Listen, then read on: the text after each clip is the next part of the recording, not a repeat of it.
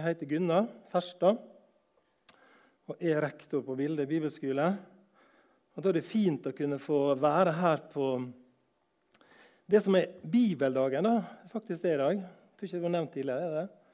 Men i kirkeåret så er det eh, den dagen en kaller for bibeldagen.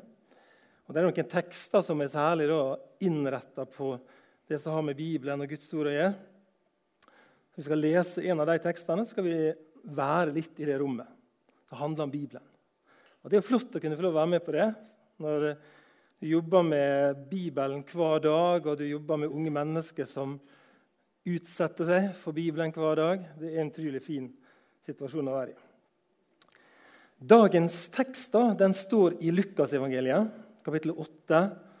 Den har parallelltekster eh, som flere av tekstene har i Matteus, Markus og Lukas. Det som vi kaller for synoptikerne. De har mye felles stoff. Eh, men det er teksten fra Lukas 8, fra vers 4 til 15, som jeg leser som innsteget til, eh, til det jeg skal si. Da står det sånn, fra vers 4. Mykje folk strømde nå sammen fra alle byene rundt omkring. Da en stor folkemengde hadde samla seg om han, fortalte han dem en likning.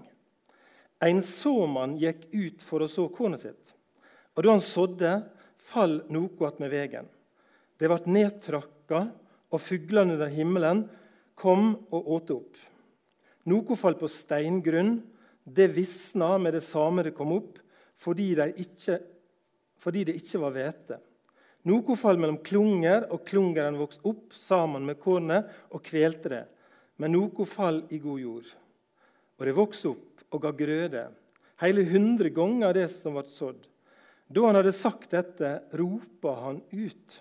Den som har øyre å høre med, høyr. Siden han spurte læresveinene han hva denne likninga skulle tyde. Han svarer.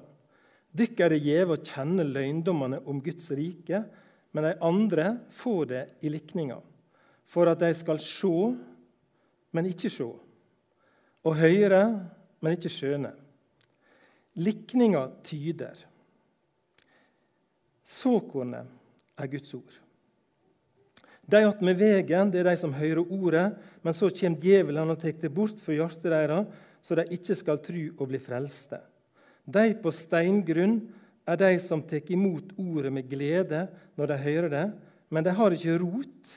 De tror ei tid, og når de blir satt på prøve, faller de fra.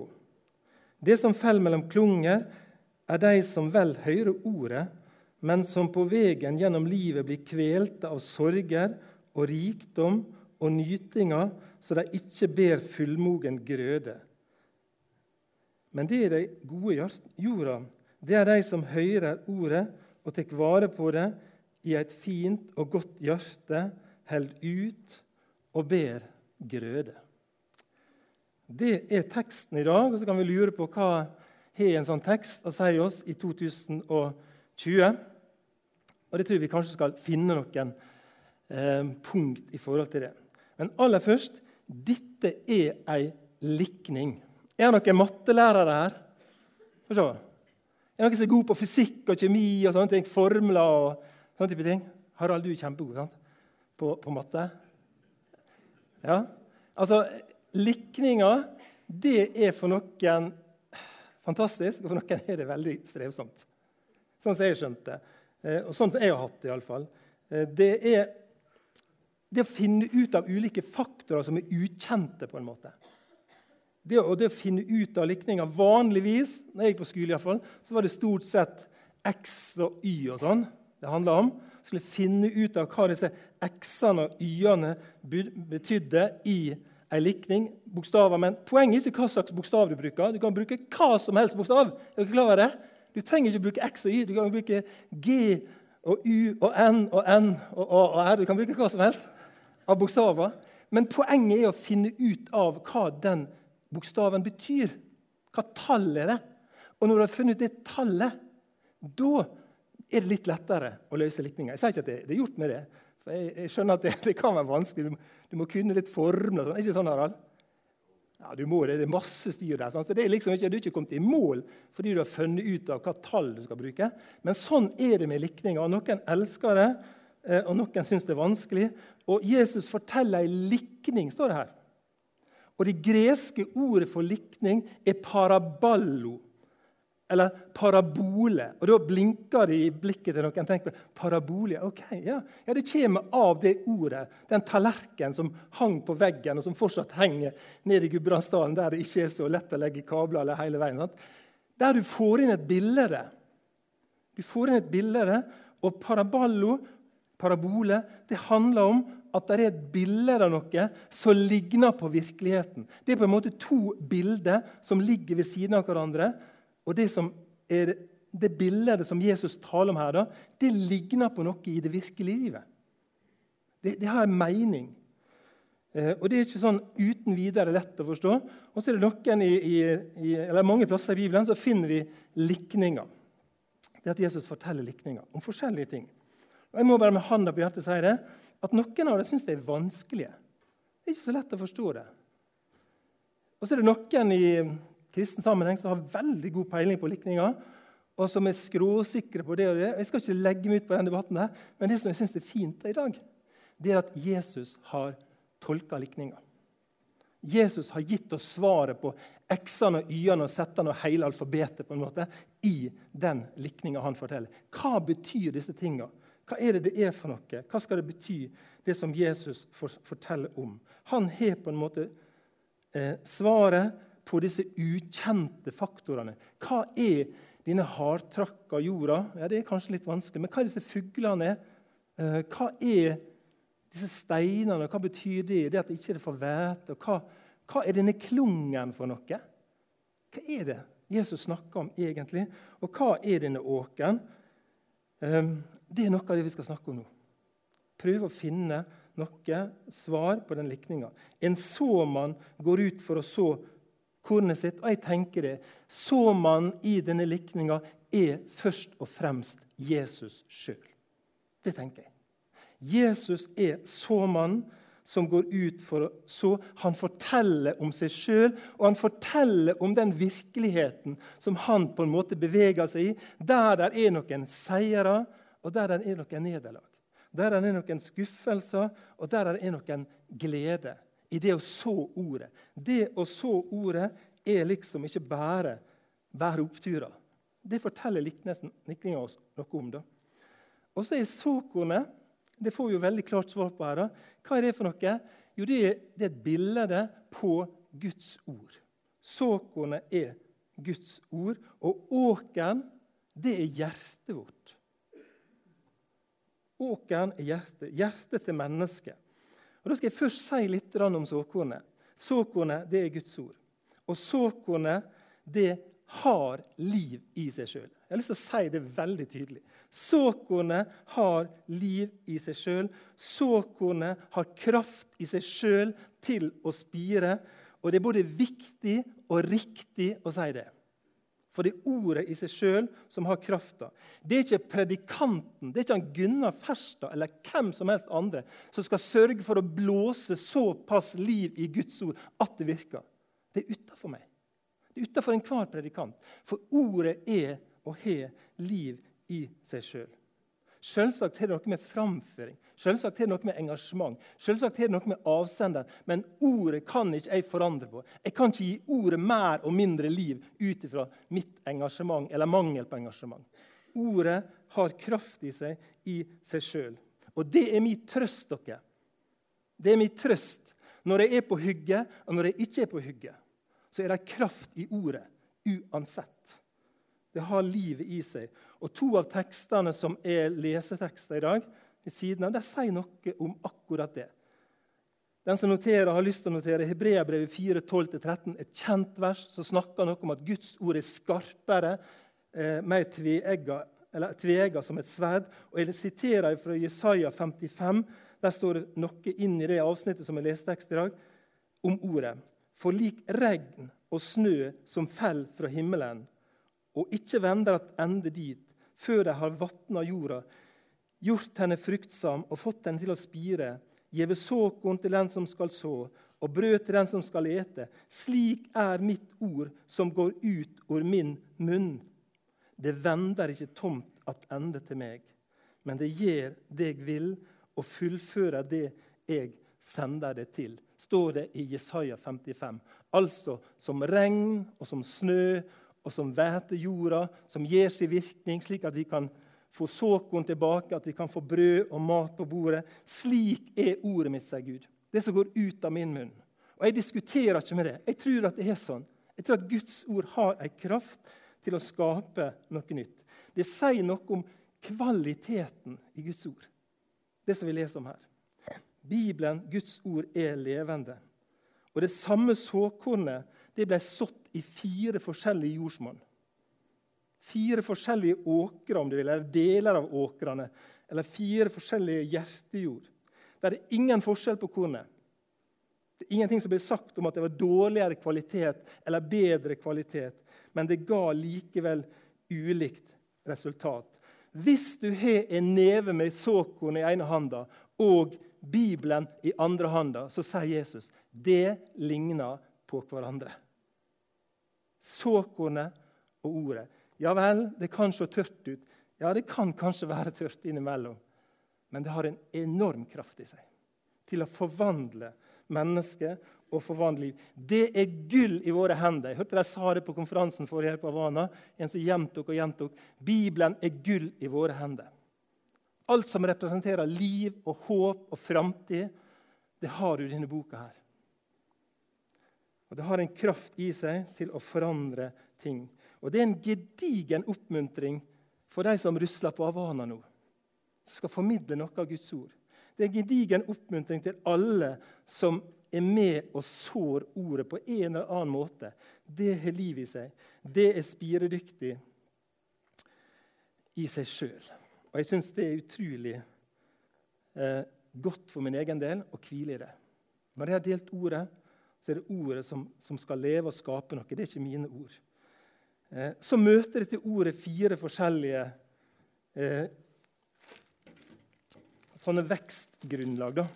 Og da har vi med en liten illustrasjon som er rett og slett et lite speil på veggen eller på podiet her. Og Da bare stjal en metafor i går. da. Eller ikke en metafor, men det var noe han skrev, han Odd Sverre Hove. da. Noen som leser Dagen, leser preiketekstene og leser, liksom, får litt hjelp til Jeg, jeg, jeg leser gjennom det og kikker. Jeg har noe godt å ha med seg. Og så fikk jeg da en sånn lite poeng som jeg har lyst til å dele med dere. Eh, som handler om at han skriver det, at denne teksten som vi har lest nå, det er et åndelig speil til sjølprøving, skriver han. Sagt med litt andre ord. Nå skal du få lov å speile deg i teksten og se om du gjenkjenner deg sjøl i denne teksten. Finner du deg sjøl, eller er ikke du her? Hvis du ser i denne teksten og tenker det er, det er ikke så lett å se dette her, men, men her er iallfall et speil. Ser du, Ingvild? Ser du deg? Eller? Nei. Men det er et speil. Okay? Speiler i teksten, og så finner jeg meg sjøl i, i, dette speilet. her. Da. Og Det første speilbildet som blir presentert, det handler om eh, ei jord som ligger langsmed veien der, står det. Og da kan vi underforstått forstå den er på en måte litt sånn hardtrakka, om du vil. Forklaringa som Jesus gir, de med veien, det er de som hører ordet. Men så kommer djevelen og tar det bort fra hjertet deres, så de ikke skal tru og bli frelste. Det er forklaringa. Det er det som ligger bak denne koden, denne X-en og Y-en her. Hva er det for noe? Jo, det er sånn det er. Hvorfor spirer ikke alt Guds ord dere? Hvorfor vokser ikke det opp noe? Det korte svaret er at ordet, eller såkornet, det møter motstand. Det møter motstand på sin vei ned i hjertet vårt. Eh, og så kommer djevelen og tar det bort fra hjertet deres. står det. Så de ikke skal tro. Det møter hindringer, ei hardtrakka jord. Jeg vet ikke hvordan det er i de hjertejord. for dette er et bilde på det. Kanskje er det noe hardtrakka. Kanskje er jorda di hardtrakka av løgntanker om hvem du er og hva du har som kristen, som gjør at ordet ikke får trenge inn. Kanskje er det noe som ligger i livet ditt på det. Hvem har sagt deg noe om et eller annet som ligger der som en sånn trakka jord, som ikke gjør at kornet kommer ned? Og så kommer fuglene, står det, og det får vi vite, det er bildet på djevelen for å hindre at ordet skal trenge ned. Omskape eh, altså Djevelen omskaper seg til en fugl, står det. Og Kanskje vi kan tenke at det er hærskarer av fugler. Vet du hva Luther har sagt om dette? her? Han har sagt det, at det er det frykteligste, den frykteligste uttalelsen Jesus har i Bibelen. Dette her er det, det, det frykteligste Jesus har sagt. Det at djevelen kommer. Det er et Luther-sitat. Djevelen kommer der såkornet blir sådd, som en fugl, står det. Og det er jo genialt. Den beste skapningen han kunne sende på jakt etter frø, det er jo en fugl. Selvfølgelig er det Og sånn er djevelen. Han omskaper seg på en måte til å være det optimale i forhold til å ødelegge. Med et falkeblikk eller haukeblikk så er han der og jakter på såkornet for å fjerne det, slik at ikke vi skal, bli tru, skal tru, står og bli frelst. Det er hans agenda. Rett ut sier Jesus det. Jeg har en kompis som mange av dere kjenner, som en gang ble intervjua i Tru og Media. og Da skrev han skrev det noe om et uttrykk som jeg syntes var fascinerende, og som jeg stjal. Og jeg har stjålet det, og predikanter stjeler som ravner, apropos fugler. Eh, men nå sier jeg at jeg har stjålet det. Og jeg sier hvem jeg har stjålet av. Og det er min venn Paul som, Brunstad, som introduserte i et intervju med Tro og Media uttrykket 'det digitale nebbet'. Det digitale nebbet. Som nebbet på en fugl. Hva er dette det digitale nebbet? Han snakket om det i et intervju som blir stukket ned i jordsmonnet. Hva er det for noe? Hvordan ser det ut? Eh, og nå skal jeg ikke bruke han og dytte han foran meg, nå kan han bare få lov å være, men, men, da ble mobilen på en måte et uttrykk for det. dere. Hvis dere vil være med på den tanken, så kan dere gjøre det. Hvis dere har lyst til å ta en pause, så kan dere gjøre det. Men mobilen med alle sine funksjoner blir på en måte en metafor, et bilde, på nebbet som blir stukket ned i jorda vår. Det digitale nebbet. Glassplater som vi stryker fingeren over eh, og toucher skjermen på en måte, på leit etter noe. Enten det er Facebook, eller det er SMS-meldinger eller Snapchat. Eller for ikke å snakke om det som heter Twitter. Jeg er ikke på Twitter, jeg bruker ikke Twitter, men det står det i annonser for Twitter at alt fra siste nytt og underholdning til sport, politikk og alt som er av interesse. Når det skjer noe i verden, skjer det på Twitter. Og før vi har snudd oss, så har han tvitra Donald igjen. sant? Han er der med en gang. Ut til verden, og verden inn til oss. Symbolet på Twitter, hva er det? Hva er symbolet på Twitter? Noen som vet det? Det er en fugl, ikke det? Og så skal jeg ikke si at det er helt sånn scary, da, men det går an å tenke litt på det. Er Det noe i dette her. At det digitale nebbet som vil røve fra oss det som blir sådd i våre liv, det er det vi sitter med i hendene ofte. Hva er det for noe? I praksis. Hvor er djevelen hen? Ja, er Bor han i mobilen? Eller hvor bor han henne? Du kan få lov å tenke sjøl, men jeg syns det var en utrolig tankevekkende tanke. Det som bryter inn i livet vårt akkurat nå, for nå durer det kanskje i en mobil her nede i ei veske, og du tenker 'jeg må sjekke det'. Hvorfor må du det? Du er på gudstjeneste. Gud taler til deg. Du skal tjene Gud. Og så må vi, må vi finne ut om det er noe som jeg må, jeg må vite om akkurat nå. Og Jeg er ikke sikker på at det tenåringer og ungdommer er verre enn 50-, 60- og 70-åringer. Jeg er ikke sikker på det. Det digitale nebbet som bryter seg inn i livet vårt. Men så man ønsker så ordet inn i ditt liv, så sier vi 'velkommen inn med nebbet ditt', og forsyn deg av de frøa som blir sådd inn i mitt liv. Relasjonen mellom Gud og menneske forvitrer og tørka ut fordi ordene taler til oss, ikke blir hørt. Når oppmerksomheten blir vendt en annen vei.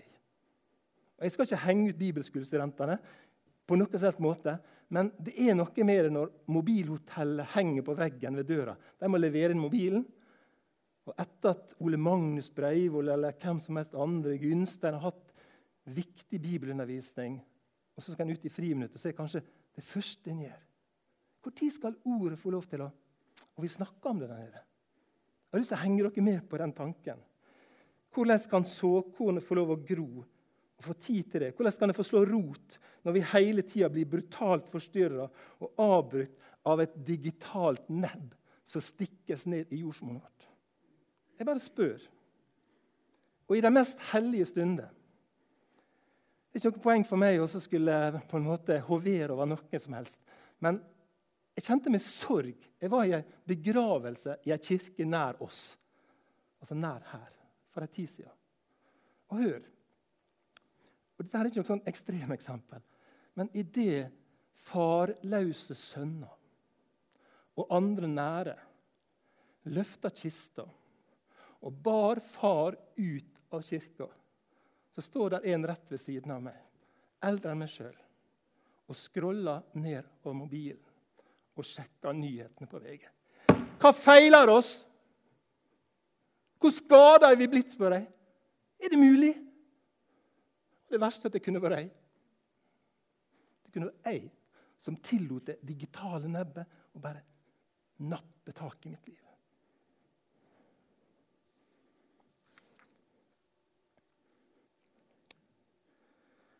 Våger vi å se oss i speilet? dere? Det er det som er utfordringa i dag. Våger jeg å se meg sjøl i speilet? Våger jeg å være ærlig og spørre meg sjøl gjenkjenner jeg mitt liv i dette? Eller ser jeg bare noen andre her? Er jeg trekk av mitt liv i dette? I frykt av å gå glipp av noe, tror vi, så kan vi gå glipp av det viktigste. Sånn er det bare.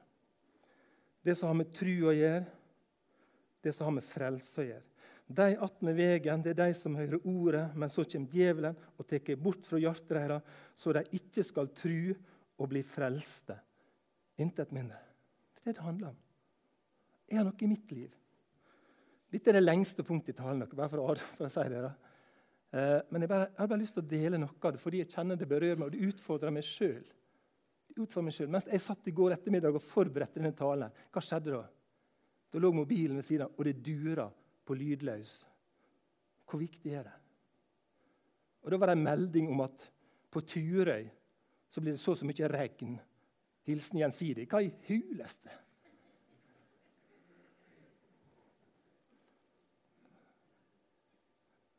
Skal jeg bry meg om det? Jo, jo, jeg har ei lita hytte på det, men altså, hallo? I det mest hellige dere. Det andre speilbildet som jeg har lyst til å ta dere med inn i kort, det handler om avsvidd og visna mark. De på steingrunn det er de som tar imot ordet med glede når de hører det, men de har ikke rot, så det. De tror ei tid, og når de blir sett på prøve, så faller de ifra. Altså Jesus forklarer det var noe med grunnen, det var noe med hvete, det var noe som gjorde at det for det første det satte fyr i dem. Det skjedde noe momentant hos noen som ble begeistra, kom til tru og var skikkelig på hugget. Um, og det starta så godt. Og så går det ikke lenge før det blir en endring. En blir satt på prøve. Og kanskje den beste kommentaren til dette er at dere går på eh, Har dere bøker på gjenbruken? Har dere 'Steingrunn' av Bo Gjerts? En klassiker som bør leses, dveles over. Hva er det jeg røter kristenlivet mitt i dere?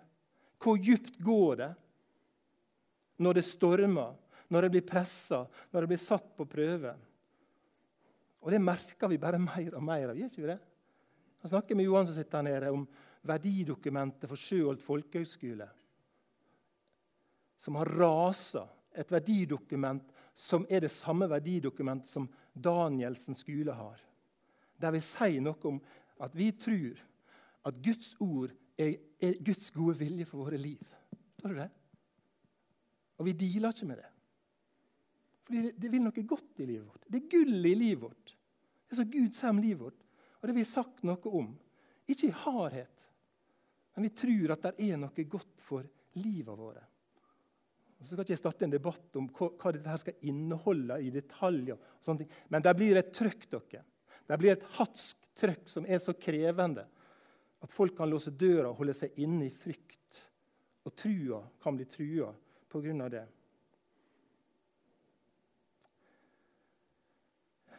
Hva tåler trua mi når jeg møter motstand? Det spør Jesus om. Når jeg må stå for noe, når jeg må mene noe. Når jeg må løfte fram ordet og si at jeg, jeg tror fortsatt dette er Guds gode vilje. Selv om jeg har alle imot meg, så tror jeg fortsatt det er Guds gode vilje. Ser du deg sjøl i speilet på noen som helst måte? Klungen er det tredje speilbildet. Det er passende å spørre dere hvorfor skjer det tilsynelatende så lite i våre liv? I mitt liv og i våre liv, i våre forsamlinger. Hvorfor skjer det tilsynelatende så lite når vi A vet at Guds ord er levende? Vi vet at Guds ord har sprengkraft. Og B, når vi tenker på hvor mye forkynnelse vi har hørt Og Nå vet ikke jeg hvor mye og sånn, du la deg utsette for Guds ord. Det er undersøkelser som, som er stått litt om i dag den siste tida, hvor ofte kristne leser Bibelen. Hvor mye de leser. Jeg vet ikke om hvor mye du leser, men det er veldig varierende. Eh, har dere lest Bibelen? Har du lest hele Bibelen? Vet du hva som står der? Har du gjentatt det? Trenger stadig å gjenta det.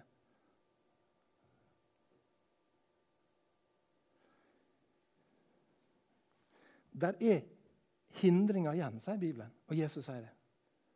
Selv om vi forkynner det, selv om det blir talt i dag og andre dager, så er det hindringer. Og forklaringa, sier Jesus, det, at det, er noe som faller mellom klunger. da. Og det er de som vel hører ordet, som er på gudstjeneste osv. Men så, på veien gjennom livet, blir kvelt av sorger og rikdom og nytinger, så de ikke blir fullmogen grøde. Jeg synes det er utrolig uttrykk dette noe som bare kjenner treffer meg sånn midt midt i magen. på en måte.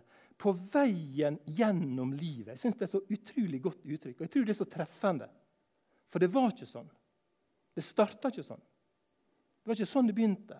Men på et eller annet tidspunkt så skjedde det noe underveis med menneskets hjertejord, med tanken til mennesket. Menneskehjertet er et uttrykk for tanke, følelser, vilje og personlighet.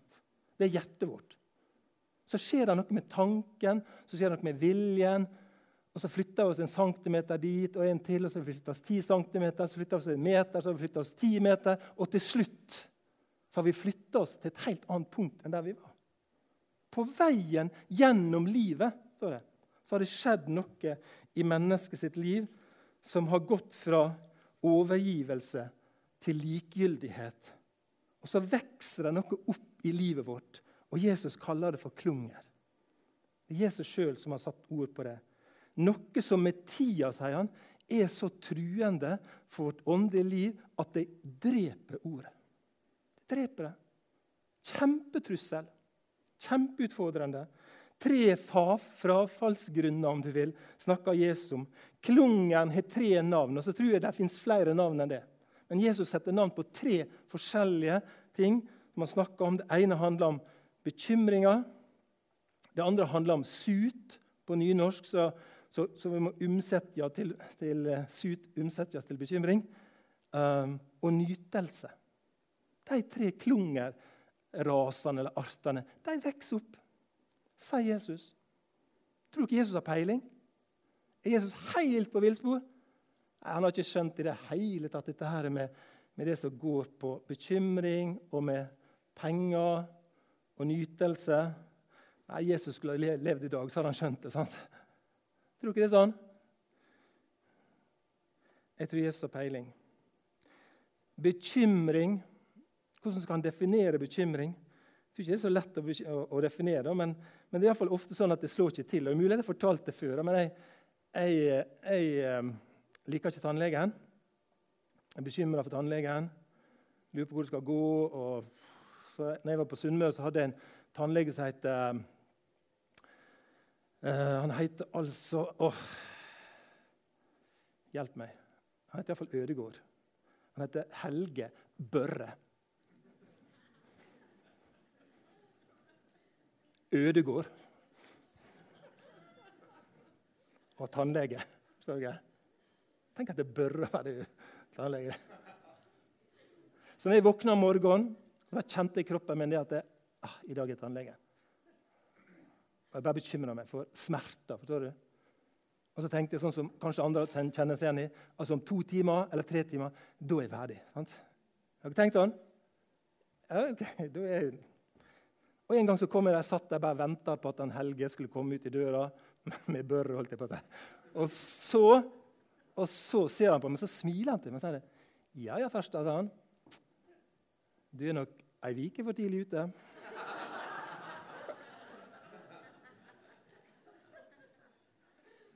Så nytteløst å bekymre seg. Og I Matteus 6 så sier Jesus noe om det. Og vi kunne snakke litt om det, men jeg skal ikke snakke mye om det. Men der sier han noe om at bekymringa i livet vårt det er på en måte et uttrykk for sånn som hedningene tenker. Sånn som hedningene tenker. Ja vel? Fordi Jesus sier den, den djupeste grunnen for å på en måte, eller altså Ugrasmiddelet mot klunger, da, eller det hva du vil, det er det å senke livet sitt ned i vissheten om at jeg har en far som veit hva jeg trenger. Når jeg møter dagen, så veit han hva jeg trenger. Alt dette andre her Jo da, vi må tenke på det, men det er sånn som hedningene tenker på. Sånn som ikke kjenner Gud. Sånn som ikke har en far. Så det beste middelet mot det er å senke livet sitt ned i Han som er far. Jeg har sans for Ane Næss, filosofen Ane Næss, når han beskriver Hallingskarvet som en far. Hallingskarv. Når du kjører over Hardangervidda, så ligger det der på venstre side. Når du kjører herfra, så ligger Hallingskarvet der. Og Arne Næss han beskriver Hallingskarvet som et brød, sier han. Og så sier han sånn skal fedre være. sier han.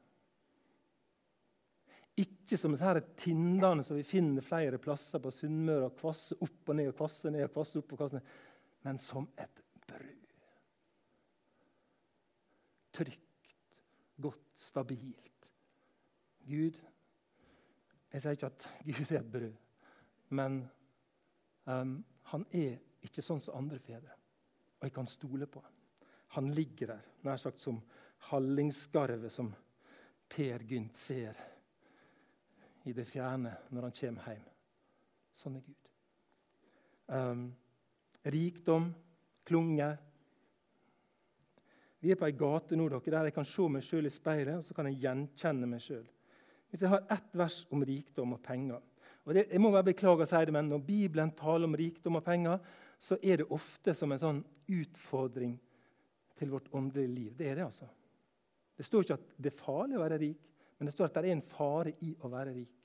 Og det er en fare i at eh, vi kan sette vår lit til det. Og de som vil bli rike, skriver Paulus i 1. Timotius brev kapittel 6, vers 9-10, de som vil bli rike, de faller i frestinga og snare og vært grepne av mange slags tåpelige og skadelige lyster som støyter mennesket ned i undergang og fortaping. Det er ganske brutalt. Og så sier han for kjærleik til penger er rota til alt ondt drevne av den, altså drevne av kjærleiken til penger, drevne av den, har mange fare vilt, står det. Er det sånn? Fare vill og kom bort ifra trua. Og de har valgt seg sjøl mye liding. Dette er for pessimistisk. det er jo det. Hvis det var det eneste du skulle si om penger. Det er jo det. Men det er sant likevel. Det er noe klungeraktig over det og nytinga. Der siterer jeg han godeste Odd Sverre Hove. Dette uttrykket minner på gresk om fremmedordet hedonisme. Parentes, dyrking av lystfølelse, fornøyelse og all verdens underholdning. Hedonisme. Treffer det? Treffer det? Har det aktualitet?